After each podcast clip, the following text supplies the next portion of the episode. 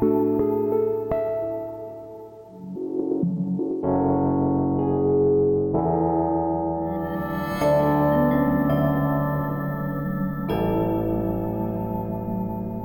lyssnar på Modern Psykologi-podden, en podd som vi gör i samarbete med bokförlaget Natur och Kultur. Och jag som pratar heter som vanligt Karin Skagerberg och är chefredaktör för tidningen Modern Psykologi. Idag ska vi prata om bipolär sjukdom och vi har med oss en efterlängtad gäst. Välkommen Henrik Wahlström. Tack, tack. Det är kul att du är här. För ungefär ett år sedan så intervjuade jag dig kort i tidningen. Mm. Och därefter fick jag jättemycket förfrågningar från eh, läsare som ville att du skulle vara med i podden. Kul! Mm. Nu är du äntligen här. Ja. Och anledningen till det är ju att eh, du är, du höll jag på att säga, men att du lever med eh, bipolär sjukdom typ 2. Mm. Jag vill inte kalla dig för influencer för att få lite konstiga konnotationer, men Instagram-profil? Ja, men något sånt. Och jag börjar väl känna mer och mer att jag kan inte välja själv vad jag ska bli kallad. För det, det väljer folk åt mig hela tiden. Och då är det ganska ofta som det blir influencer. Det gör inte så mycket för man inte det är ju konnotationen att, att en influencer är någon som, som delar ut rabattkoder för schampon. Liksom. sånt gör jag ju inte. Men om det är influencer betyder att man påverkar människor på något sätt så är det bra. Eh, för det försöker jag göra fast det handlar om sådana här saker. Och du har 168 000 följare senast jag kollade. Det var igår. Wow. Mm. Mm. Det, det är svinmycket. Nej men jag håller inte koll på min statistik. För då tror jag att jag skulle bli eh, tokig. Mm. Alltså om jag skulle hålla på och kolla ja, men, vid vilket inlägg gjorde att 500 personer avföljde mig? Och så skulle jag låta bli att prata om de sakerna och då skulle det ju förändra vad jag egentligen kanske tycker. Um, och, och, vad jag väljer att, att, prata högt om. Och så vill jag inte att det ska bli. Du har ditt Instagramkonto men du har ju ett uh, dayjob som vi också kallar det för. Som mm. du ska göra imorgon till exempel när du ja, har spelat in podden. Precis, ja, men, ja, men jag har ju ett andra jobb. Eh, eller egentligen det är mitt jobb. Alltså jag är, är regissör och manusförfattare eh, och en slags kreativ chef på ett produktionsbolag eh, i Stockholm. Mm. Jag bor nere i Lund men jag gör det mesta jobbet på distans därifrån och så åker jag upp på det här viset. Flänger upp med nattåg och så jobbar jag. Och det handlar om att jag hittar på idéer, eh, vad som kan bli kul kampanjer åt olika företag och sånt där. Och sen så skriver jag manus och regisserar. Okay. Och nu har jag skrivit manus hemma och ska regissera imorgon. Och nu är du här, det är vi jätteglada för. Du mm. är också eh, ambassadör för organisationen Mind som ju verkar för öppenhet kring psykisk ohälsa. Ja. Eh, tycker jag är viktigt att få in. Eh, ja. Och just precis just nu så är du ju väldigt aktuell för du är författare till en ny bok som du skriver tillsammans med psykiatern Katrin Skogborg-Wirén. Mm, Skogberg-Wirén, ja. ja. Ja, precis. Eh, det är en bok som heter Upp och ner. En överlevnadshandbok för bipolär sjukdom. Ehm, och den är tänkt att vara just det. Alltså det är en handbok som förhoppningsvis ska kunna hjälpa folk som är i den sits jag var i för 15 år sedan ungefär. Alltså man får diagnosen och vet inte vad man ska ta vägen med den. Eh, vad, hur, hur, fortsätter man härifrån? Eh, och där har det verkligen saknats en bok att sätta i handen på de som får en diagnos eller som har levt med den en tid eller eh, som är anhörig till någon som har det. Eh, med konkreta tips och en massa hopp och en bild av att det här går att få ett väldigt gott liv med. Ehm, Boken handlar både om bipolär sjukdom typ 1 och typ 2 och typ eh, UNS, eh, alltså utan närmare specifikation. Och den bygger på en massa forskning och Katrins eh, kunskap och mina egna erfarenheter. Men så fort det har varit till exempel att vi pratar om typ 1 som jag inte själv har, då har jag istället tagit in massor med vittnesmål från mina följare som har typ 1. För det är en jättestor tillgång som jag har i mitt konto att jag har många hundra personer med bipolär sjukdom som jag kan fråga om saker. Hur skulle den här, hur skulle den här situationen kännas för dig i ett maniskt skov? Vad har du varit med om för paranoida vanföreställningar och så vidare? Så att det blir verkliga vittnesmål, även om de då är anonymiserade i boken. När vi pratades vid för ett år sedan ungefär, då var det, kom vi fram till, två år sedan som du eh, så att säga, i brist på ett bättre ord, kom ut i sociala mm. medier med din diagnos. Jag tycker det är ett bra ord. För mm. att det är en komma ut-process. Alltså att komma ut med en psykiatrisk diagnos som är kronisk. Um, någonting som inte kommer gå över utan som, som säger någonting om mig idag och framöver. Um, Alltså det är någonting som är högst privat och som jag vill dela med de som är omkring mig. Jag vill att ni ska känna hela mig.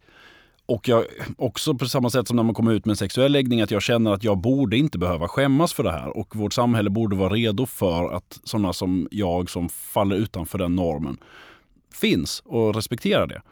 Eh, och därför så vill jag berätta. Men det är ett komma-ut-språng eh, ut i luften på det viset att man inte vet hur det ska tas emot förrän man har sagt det. Och sen kan man inte ta tillbaka det ifall det landar och man, man får då veta att personen hade massa fördomar. Mm, och redan då hade du ju ändå ett gäng följare på ja. Instagram. 50 000 eller något sånt. Ja. Eh, ja, och det, och det var ju en stor grej. Men för mig personligen så var den stora nervositeten att det var så många runt mig som inte visste. Alltså så många släktingar och, och chefen och kollegorna och sådär. Liksom. De visste ju inte. Och att de fick veta alla på samma gång av ett Instagram-inlägg när jag redan är liksom anställd. Eh, det, det var jag mycket mer nervös för. Och vad kommer vänner tänka om att jag inte har sagt det här förut? Kommer det eh, ogiltigförklara den vänskap vi har haft? Eh, att jag inte har kunnat lita på dem och så vidare. Eh, men alltså det visade sig att det landade jättebra. Mycket, mycket bättre än vad jag hade väntat mig. Men jag visste inte det då. Nej. Hur kommer det sig att du valde att göra det precis då? Um, det var första det var januari? Ja, precis. Det var inte så att jag fick ett ryck den dagen. Eh, utan att jag i tidigare eh, under 2020 gått, eller ja, längre tid än så. Jag har alltid velat kunna vara öppen med det här. Eh, men jag höll ju tyst i, i 12 år om det. Um, men jag velat kunna prata om det och jag kände att jag för det första vågade göra det. Jag kände att jag är inte så skräckslagen kring detta som jag har varit.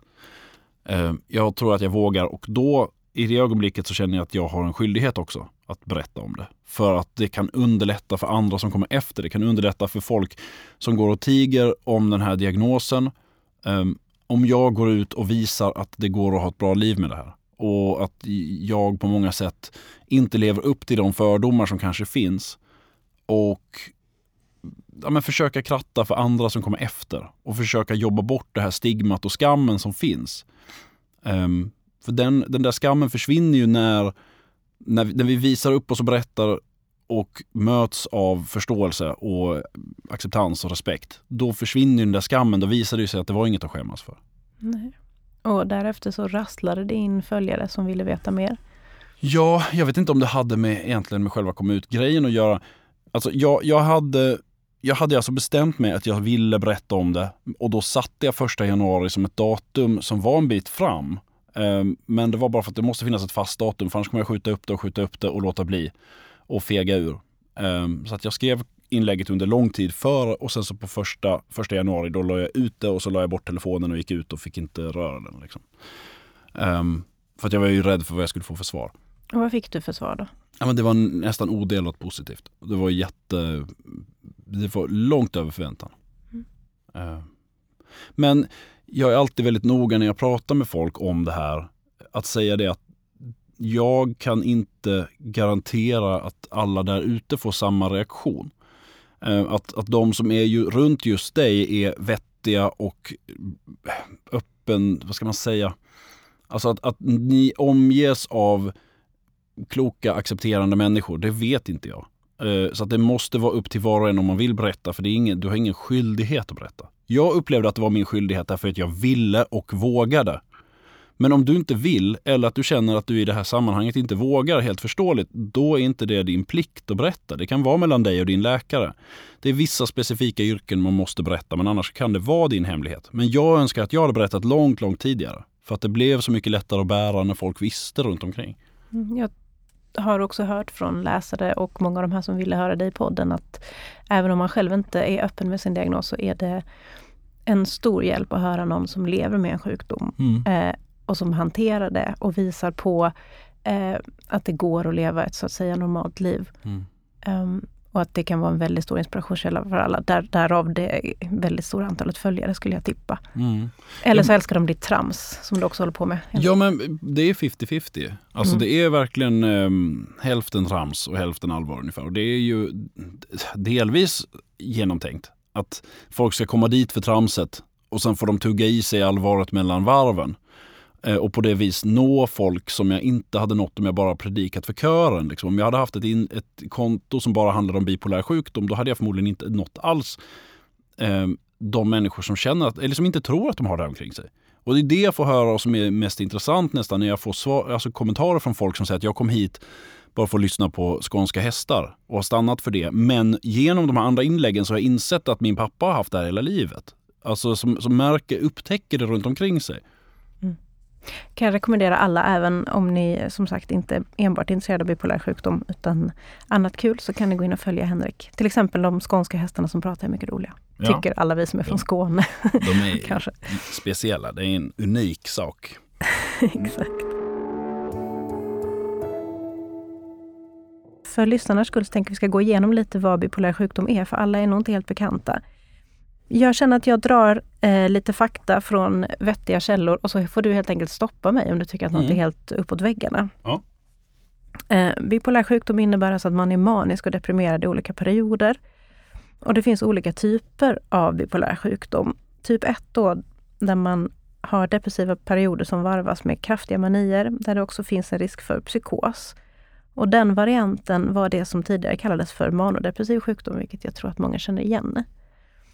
Eh, sen finns det typ 2 då, som innebär depressioner varvat med perioder av så kallad hypomani, som då är en lite lindrigare form av mani, eller som jag har förstått i alla fall att psykosbenägenheten inte är lika stor. Mm. Är jag rätt ute då? Ja, alltså det är um Manodepressiv sjukdom är ju samma sak som bipolär sjukdom. Det är ett nytt namn på det. Sen har bipolär sjukdom delats upp i olika undergrupper för att göra det lite enklare att se vad för slags hjälp som någon behöver. Och det är det det är till för. Typ 1 och typ 2 och även UNS, alltså utan närmare specifikation. Um, och så jag skulle säga att även typ 2 innefattas i manodepressiv sjukdom mm. om man skulle översätta det. Och det ordet används ju fortfarande ibland till exempel i engelskspråkiga länder. Och så um, men precis, manierna i typ 1 är alltså mer intensiva än hypomanierna som är i typ 2. Det är alltså två nivåer av samma, samma eh, fenomen kan mm. man säga. Eh, men man går ju då alltså inte upp i en psykos utan man hamnar i ett, ett kraftigt uppvarvat läge med en väldig optimism och en stor tro på sig själv och sådär. Men i en mani, om det fortsätter upp, då blir den där optimismen och tron på sig själv alltså kan bli grandiosa vanföreställningar om att man är utvald för ett specifikt syfte eller att man kanske tror att man redan har botemedlet mot cancer och man bara lyckas sälja in det. Alltså, från att tro på sig själv till att tro att man redan har åstadkommit något jättestort till exempel. Mm. Um, men det är, däremot så är det svårt att säga att typ 1 är en allvarligare form och typ 2 är en lindrigare form. För så behöver det inte vara, utan det är ungefär lika många som dör av båda.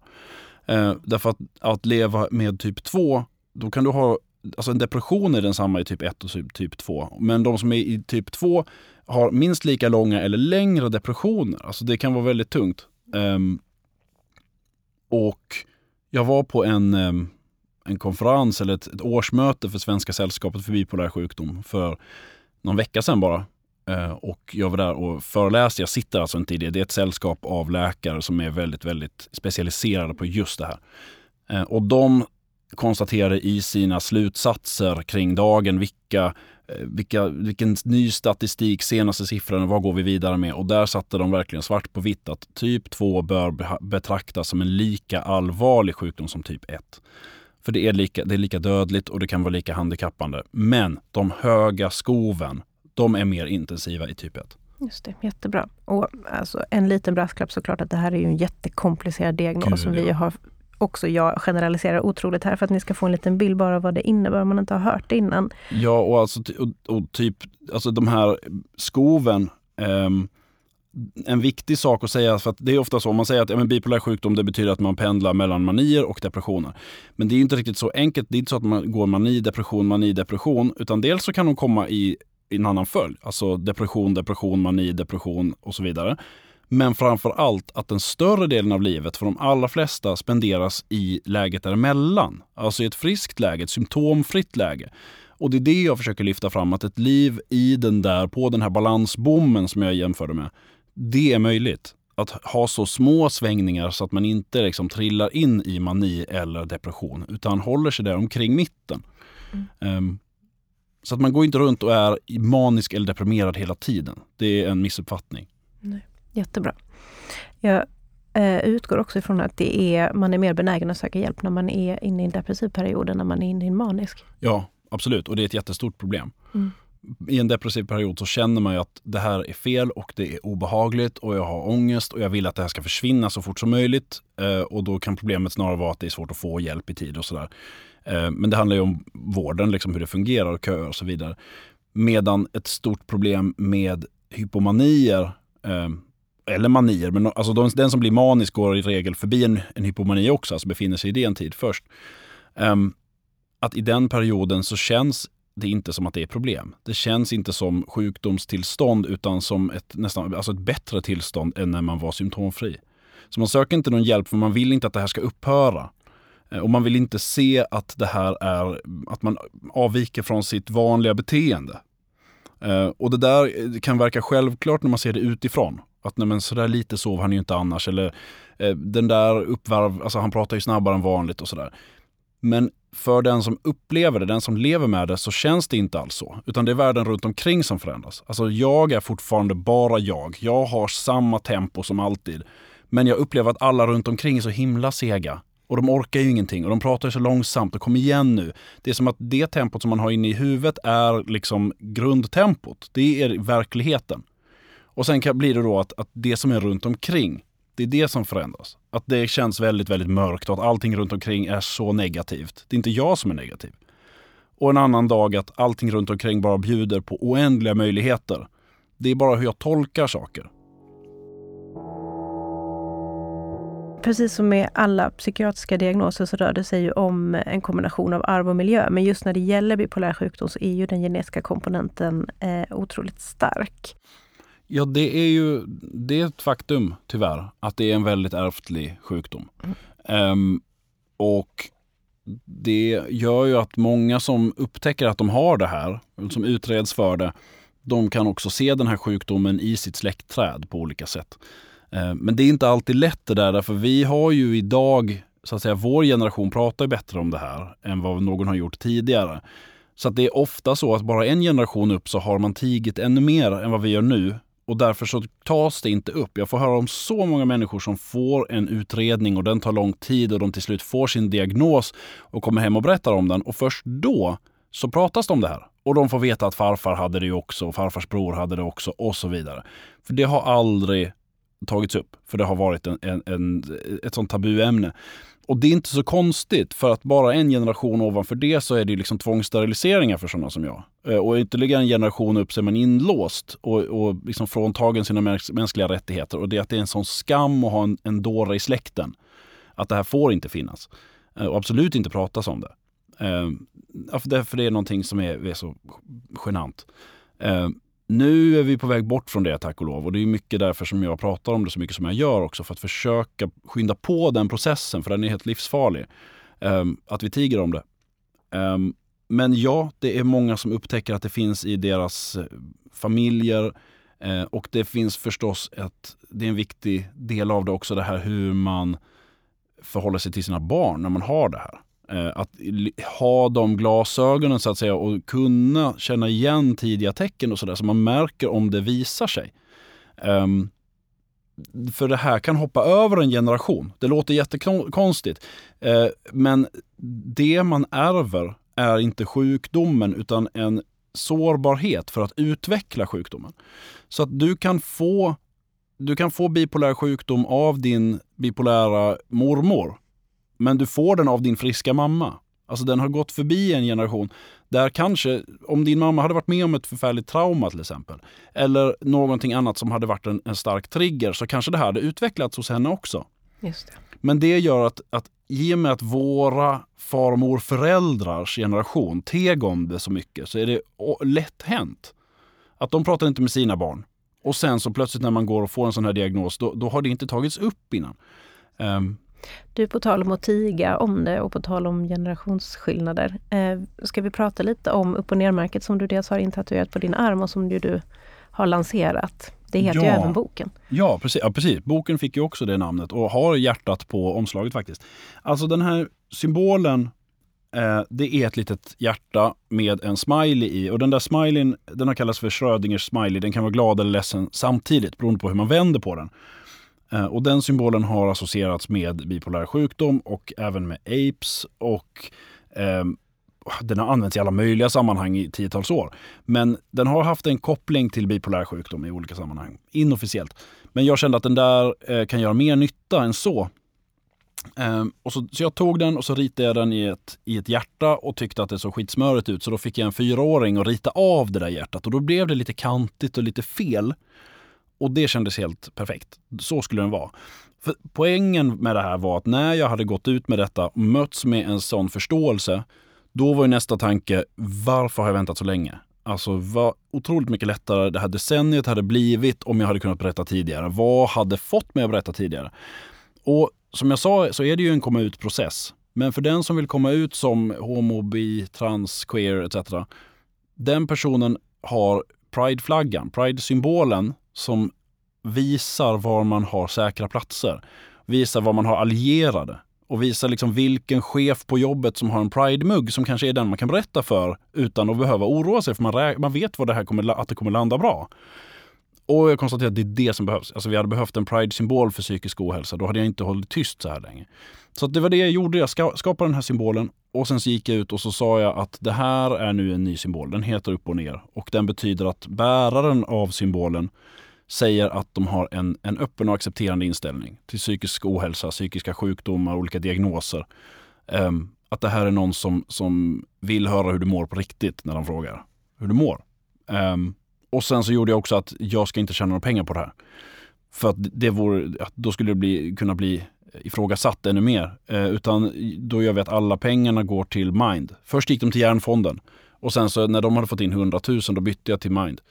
Ehm, som nu har fått in ett par hundratusen till. För den här kampanjen har gått så otroligt bra. Mm. Och vad kan man skaffa? Vad är det små pins och man kan skaffa en mugg om man vill? Ja, det finns muggar och t-shirts och pins och reflexer och nyckelband och nyckelringar och jag vet inte vad. Alltså det är så mycket saker. Och det är på, var gör man det? Ja, men på uppochner.nu. Jättebra. Och när jag sa till dig för ett år sedan att ja, men jättebra, då köper jag ett helt gäng eh, muggar till alla på redaktionen. Då sa du nja, fast det är nog ändå bättre att folk får välja själva. Det tycker jag är en jätteviktig ja, poäng. Precis. För det är fler som har sagt det här. Det här köper jag till alla anställda. Mm då tappar den sin funktion. Yes. Därför den som går och tiger och letar efter allierade omkring sig och får syn på den här. Hela syftet är att den personen ska veta att det här är just den här personen på jobbet kan jag prata med. Om alla på jobbet plötsligt har den, om man sätter den på ett plagg som alla ska bära, om det blir någonting eh, vad ska man säga, obligatoriskt. Jag fattar. Det ska då, vara tryggt Då blir man av med det. Mm. Eh, det måste vara någon som har valt det. Sen kan man ju sätta upp en skylt på sitt, sin, om man är chef på ett kontor. Nu beställer vi från upp och ner, skriv vad du vill ha. Mm. Ja, men då, blir, då funkar det ju. Visst, men det är jättebra eh, poäng.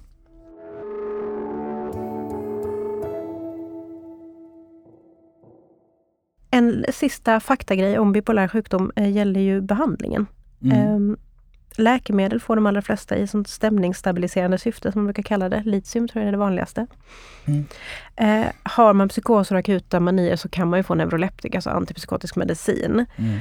Eh, och man kan också få antidepressiva läkemedel för depression. Men vid bipolär sjukdom så är det inte rekommenderat att äta bara antidepressiv medicin. Och det vet Nej. jag att du också har erfarenhet av. Precis, det är en, en, en risk eh, att när, om man får antidepressiv medicin, den är ju tänkt att föra upp en från det här minusläget upp till nollan. Men för den som har bipolär sjukdom så skickas man lätt upp i taket. Alltså man åker upp, det blir en så kallad switch, att man går från depression till mani istället. Um, och därför så krävs det att man redan har en stämningsstabiliserare på plats. Uh, och som du sa, litium är, det är förstahandsvalet för bipolär sjukdom typ 1. Funkar även bra för många som har typ 2. Men eh, neuroleptika till exempel, den kan också användas som alltså olika sorters neuroleptika och eh, ja, flera andra sorters mediciner kan användas som stämningsstabiliserare också. Eh, även alltså, eh, preventivt. Mm. Alltså, eller eller så här, som, som ett, ett, en medicin som man tar varje dag för att hålla sig i balans. Ja, som jag gör också. Mm. Um, och där, så man kan ha flera som kombineras där. Som att man har en som lyfter upp och en som trycker ner. Men hela syftet är att kapa de högsta topparna och de lägsta dalarna.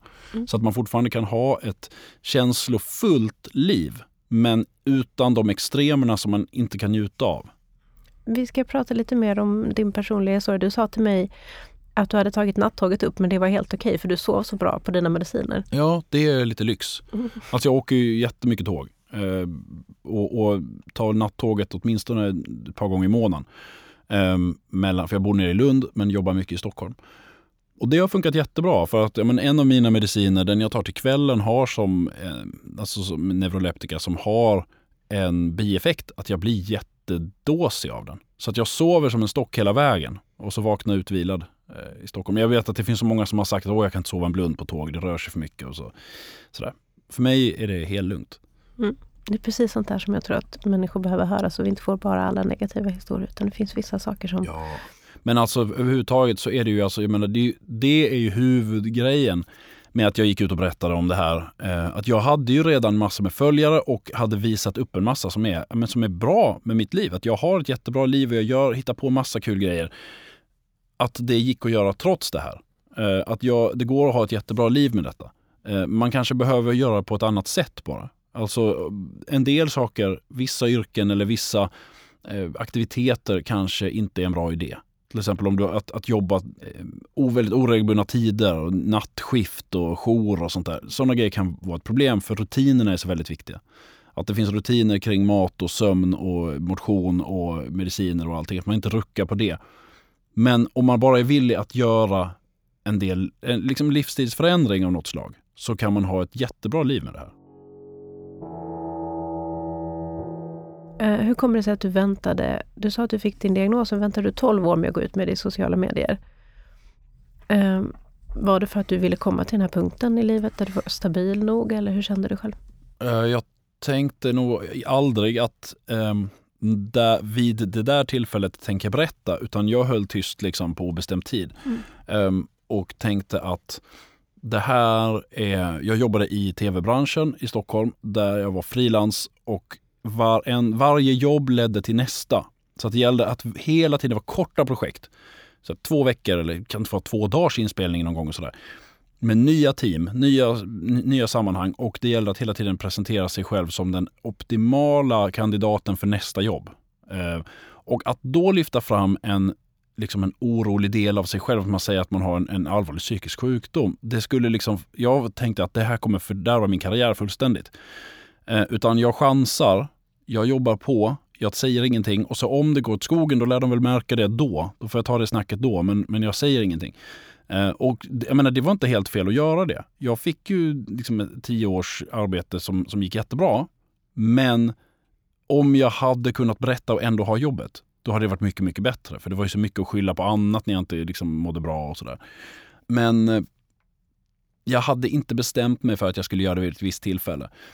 Men jag tror att det handlade mycket om att från den här frilanssituationen så till slut hamnade jag på ett jobb som var det första där jag, hade, där jag var en längre tid med samma kollegor.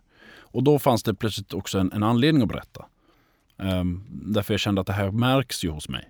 Um, och, och, att det märks att jag pendlar upp och ner. Och det är, så, det är så mycket värt att folk omkring en vet om det här. Så att de kan reagera på ett, ett vettigt sätt om man märker att någon i sin närhet, alltså jag menar jag jämför den här sjukdomen ganska ofta med diabetes. Alltså att, att leva i en kropp som inte kan producera alla de, de eh, substanser som behövs för att hålla en jämn nivå. Så då måste man hålla koll på den där nivån hela tiden och tillföra mediciner utifrån som ska hjälpa en att hålla balansen där. Um, för att det blir, och då märks det inte på en. Men det blir jättefarligt om man blir, kommer för högt eller för lågt. Och en likhet till med diabetes är att det är skitviktigt att de runt omkring vet om att personen har diabetes. För plötsligt så ligger den här personen på fikarumsgolvet och då måste du veta vad det är. Att det här är ett blodsockerfall till exempel. Och på samma sätt att folk omkring en vet om att man har till exempel bipolär sjukdom. Så att de märker att ja, men nu, ja, men han har inte dykt upp på jobbet eller att han verkar jättenedstämd. Eh, eller dyker upp med helt nya outfits varje dag. Eller har han plötsligt börjat bära hatt Liksom, alltså du vet, bara små grejer mm. som bara är värda att re reagera på. Oj, vad fort han pratar nu. Ja, men vet man då att ja, men det här är en person som kan bli hypoman, då kan man komma med en välmenande kommentar att är du lite uppe i varv nu? Och det kan vara guld värt för den som har tillräcklig sjukdomsinsikt och, en, och som inser att de mår bra av att få veta detta så kan det vara jättemycket värt. Och jag, fick, jag fick höra av min chef för kanske två veckor sedan sådär, att du är lite uppvarvad nu. Och då var det som, ah, fan du har rätt. Nu när jag tänker tillbaka så ser jag på små saker. Och det är de där små sakerna som är så himla viktiga. Man upptäcker de tidigaste tecknen på att man håller på att tippa av den här balansbommen. Så man hinner korrigera. Eh, och de där tecknen kan vara vad som helst och de är väldigt individuella. Alltså det finns en del generella som att man märker till exempel om man är på väg uppåt att man är piggare än vanligt, känner att man behöver mindre sömn, eh, är väldigt optimistisk, pratar snabbt och så vidare. Och på väg ner så är det ganska mycket liknande. Alltså man tappar aptit, alltså motsatsen. Ja. Alltså att, att man, man tappar aptit, man känner sig tröttare hela tiden, en tyngd känsla i kroppen och så vidare. Men de där små konkreta sakerna är jättemycket värda. Eh, jag har till exempel sån här grej att jag märker att jag har, när jag kommer på mig själv med att ha sprungit upp för en trappa utan att ha bråttom. Mm. Då är det en sån här, ah, varför sprang jag nu? Ja, men det är för att jag har sån spring i benen, den där känslan.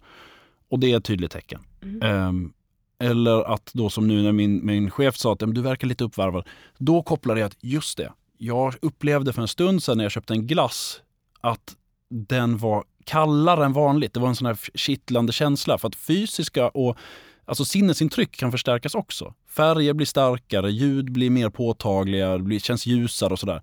Och att en glass var så här fascinerande kall. Det är bara, glass ska vara kall. Det är inget konstigt. Men den där känslan visade mig att ah, det ligger något i vad han säger.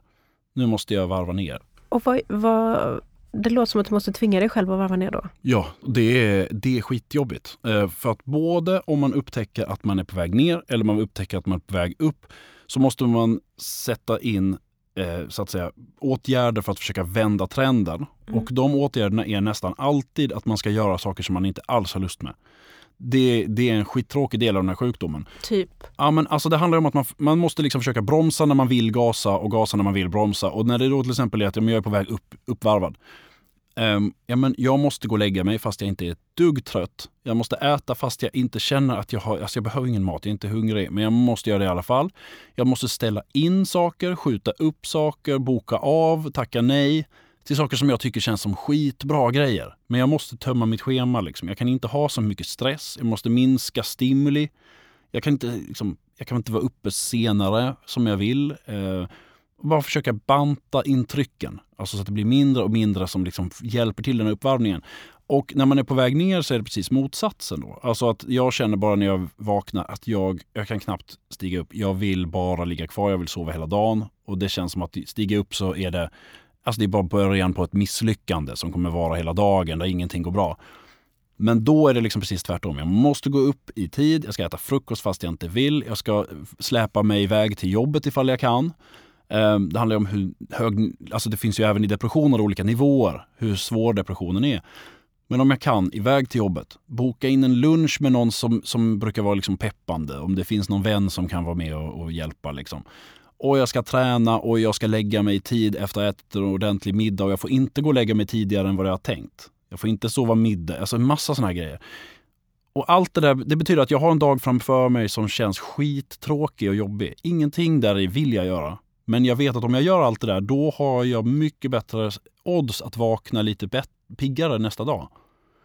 Och jag vill lägga till också att förutom de här livsstilsförändringarna som är jätteviktiga att göra Eh, när man får diagnosen så får man ju nästan alla behöver medicin med livet ut. Och när man är på väg uppåt eller på väg neråt så kan det vara så att man har eh, vidbehovsmediciner som man liksom tar för att varva ner till exempel.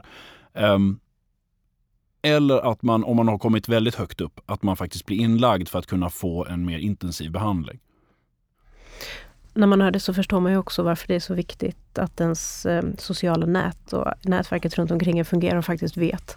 Ja, det är, alltså, det är helt avgörande för många som har den här sjukdomen. Mm. Att, de, att man har människor omkring sig som kan, som kan hjälpa på olika sätt. Och det behöver inte vara att försöka ta bort den här sjukdomen utan som kan hjälpa genom att fråga hur det är och reagera på små saker och vara ett stöd i perioder då det är man inte orkar och sådär. Nu, om det är någon som lyssnar på den här podden och liksom har eh, letat efter någonting som har med bipolär sjukdom att göra för att de är intresserade av olika anledningar. Um, jag tänkte vi kunde bara backa bandet lite grann så du får berätta om hur det var när du fick din diagnos och kanske kan berätta lite om vilka tecken och sådär som du skulle ha tänkt på eller som du kanske mm. vill berätta om för någon som sitter och undrar. Hur var det för dig när du fick din diagnos? Ja, alltså jag fick min diagnos efter att ha levt med sjukdomen länge mm. Eh, och så är det för väldigt många. Eh, men ja, hade jag haft de ögon jag har idag så hade jag ju sett det här väldigt mycket tydligare. Eller om någon runt omkring mig hade haft det. Ehm, men det, det talas ju för lite om den här sjukdomen och det är det vi gör just nu, att försöka få folk att se sånt här. Men jag hade alltså depressioner, alltså många depressioner efter varandra varvat med uppvarvade perioder då jag liksom bara gick all in och liksom köttade på och drack jättemycket alkohol och hade inga rutiner och sov alltså typ ingenting.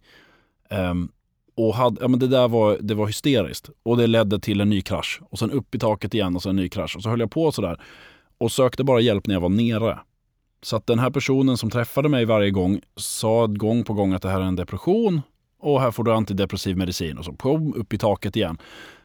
För de såg ju inte det. Jag, menar, jag var arg på den där personen under lång tid sen. Att hur kunde de inte se att det var bipolär sjukdom? Det är ett sånt skolboksexempel. Men det var inte det för dem, för de såg aldrig en manisk eller hypoman person.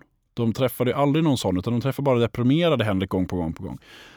Um, men till slut så det var att jag fick söka hjälp för mitt eh, alkoholmissbruk och hamna på en, en beroendemottagning. Och det var där som det var en som såg att amen, de här perioderna där du, där du har druckit som mest och varför jag har druckit och gjort en, en slags livslinje bakåt med dippar och toppar om vartannat. Och så såg hon där att det här ser ut som bipolär sjukdom. Det här måste utredas. Och då fick jag diagnosen. Okay. Um, för att det är, jag hade försökt alltså dricka bort symptomen på bipolär sjukdom och det är helt värdelöst. Alltså dels så får bara förstärka det, symptomen. Men också så upplever man lätt då att man behöver dricka precis hela tiden. För att jag menar, när man är ledsen, då har vi fått lära oss av vår kultur att man dricker för att bli glad. Man tar till flaskan och blir full och glad och, och pignar. Liksom. Och sen så när man är uppvarvad, då har vi fått lära oss att man dricker för att varva ner och för att bli, kunna sova.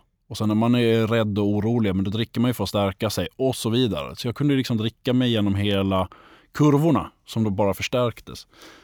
Men när jag väl fick den här diagnosen då, då kunde jag börja medicinera och jag kunde börja förändra mitt liv, även om det inte var bara ett, ett beslut man tar pang bom. Jag menar, nu låter jag skitduktig när jag pratar om det idag. Att jag nu ska sova och träna och äta bra och, och sådär. Men i många år så, så sket jag ju i det där eh, och fuskade med de olika reglerna och sådär. Men har alltså bit för bit insett att ju mindre jag fuskar desto bättre mår jag. Eh, och idag så lever jag liksom väldigt strikt. Alltså jag, menar, nu, jag har skrivit den här boken tillsammans med eh, Katrin då, som är överläkare i psykiatri.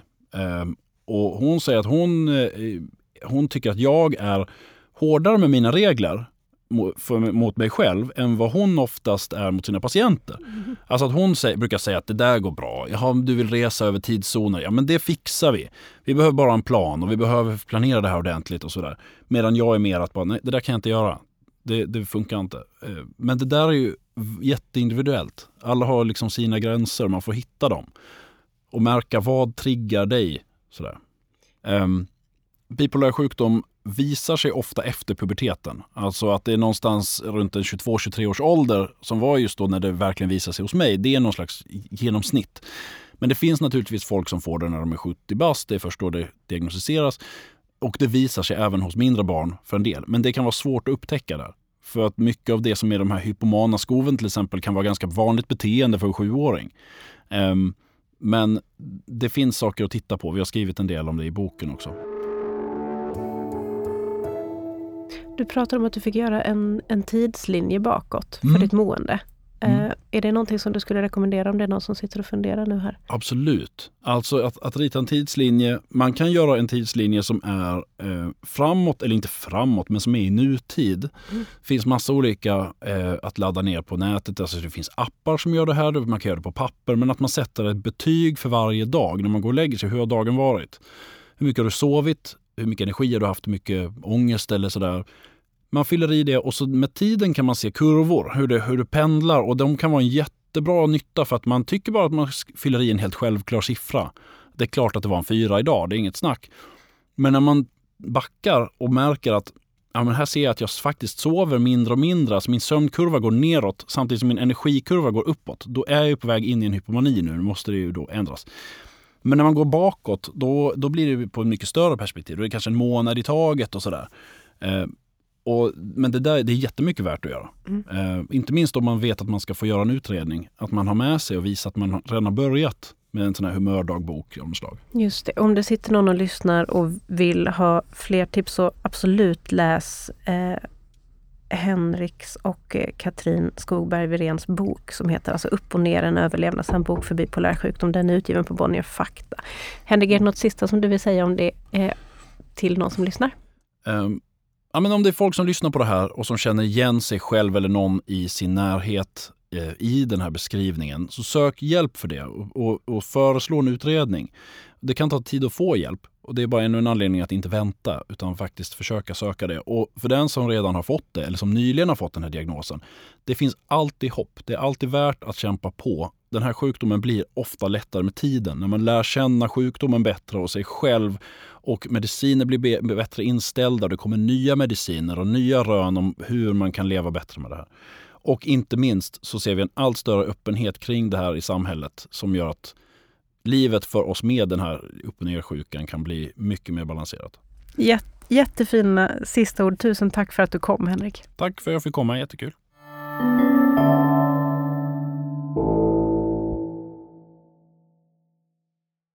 Det här poddavsnittet presenterades i samarbete med Natur och kultur.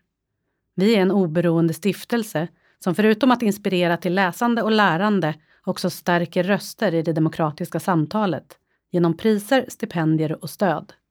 Så varje gång du väljer natur och kultur är du del av något större